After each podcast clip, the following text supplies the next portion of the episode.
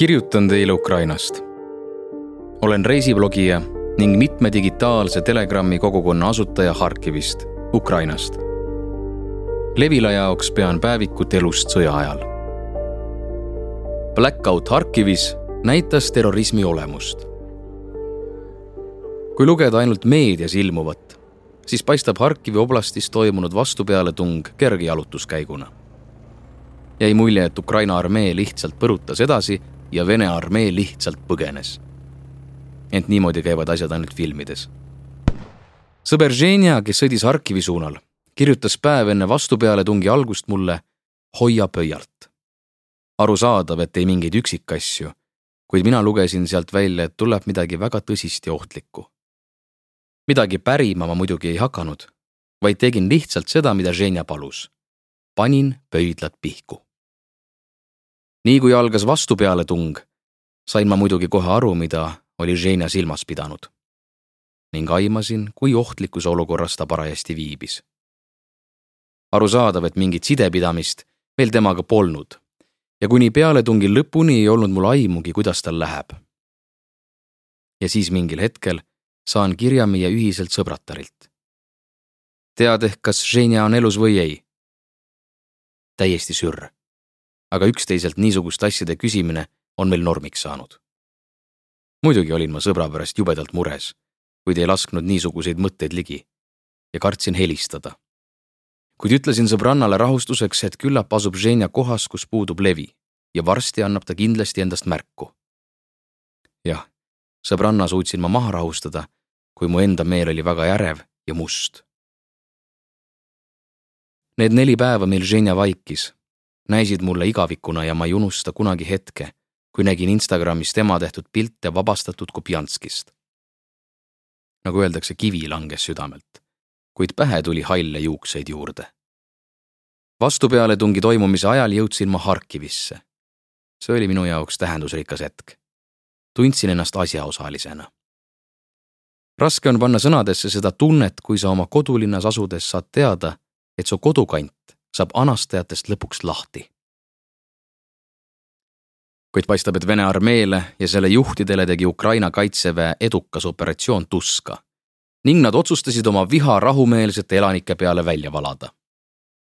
Kubjanski vabastamise päeval tabas Vene rakett elektri- ja küttejaama, mis varustab elektriga nii Harkivit ja selle oblastit kui ka Poltava ja Zumõi oblastit. Harkiv vajus pimedusse Blackouti ajal sai harki vaimu terrorismi olemusest. mu sõbrad naeravad nüüd, et ma oskan saabuda linna just siis, kui seal toimub midagi eriti ägedat. teised paluvad mul Harkivisse mitte tulla, kui neil on plaanis kodus käia. elektrikatkestuse ajal maandasime me pingeid naljadega stiilis müün laetud akupanka ja saatsime üksteisele täiesti musti pilte aknast avanenud hunnitutest vaadetest ma pole nii sügavat pimedust vist kunagi näinud. Hiljem kuulsime veel üht põmakat ning lisaks valgusele kadusid ka side ja internet. asjaolud kuhjusid ning mingil hetkel pidime tõdema, et istume kottpimedas linnas ega oma toimuvast vähimatki ettekujutust. hakkasime aimama, mida pidid tundma välismaailmast ära lõigatud inimesed Mariupolis. ning linnas oli nii vaikne, et kõige õigem on seda nimetada haudvaikuseks kahjuks hakkab see psüühikale. Paratamatult hiilivad pähe kõige ärevamad mõtted. sa istud vaikust kuulatades, püüad aru saada, mis võiks praegu toimuda. ja hakkad aru saama, kuidas toimib informatsiooniline ja psühholoogiline rünnak.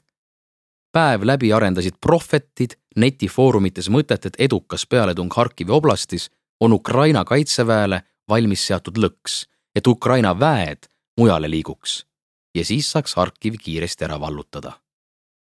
Muidugi ei jäänud seda jampsi keegi uskuma. ent kui sa istud pimedas ilma interneti ja sideta, ei saa ümberringi toimuva kohta mingit teavet, siis paratamatult tükib pähe mõte, aga äkki siiski. ja siis saad aru, et siin see on, varjamatu vägivald, millel pole muud eesmärki kui hirmu külvata, tahet maha suruda ja vastuhakku juba eos lämmatada. see on see, mida nimetatakse terroriks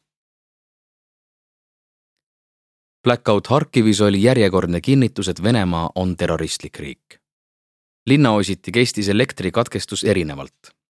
mõnes neli-viis tundi, mõnes mitu päeva.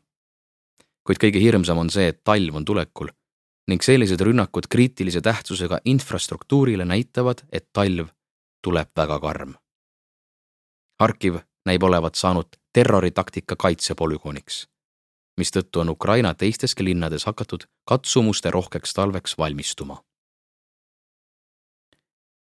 mõni päev pärast Harkivi elektri- ja küttejaama kahjustamist ründas Vene armee Krõvi Rihis veehoidla tammi, mille tagajärjel jäi linn joogiveeta ning algas üleujutus. arusaadavalt ei olnud Krõvi Rih juhuslik valik. see on Ukraina presidendi Volodõmõr Zelenski kodulinn, aga venelased armastavad miskipärast väga sümbolismi.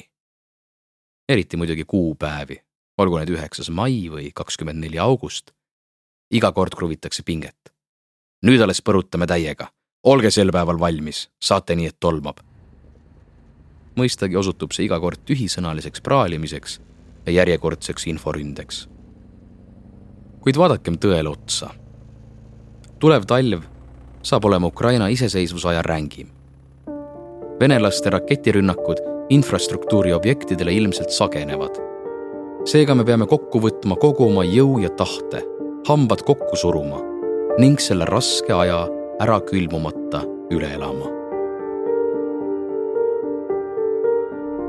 autor Taras Kovaltšuk, tõlkija Veronika Einberg, toimetaja Iisa Laan.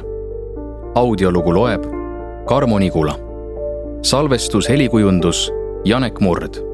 Originaalmuusika Konstantin Tsõbulevski. Levila kaks tuhat kakskümmend kaks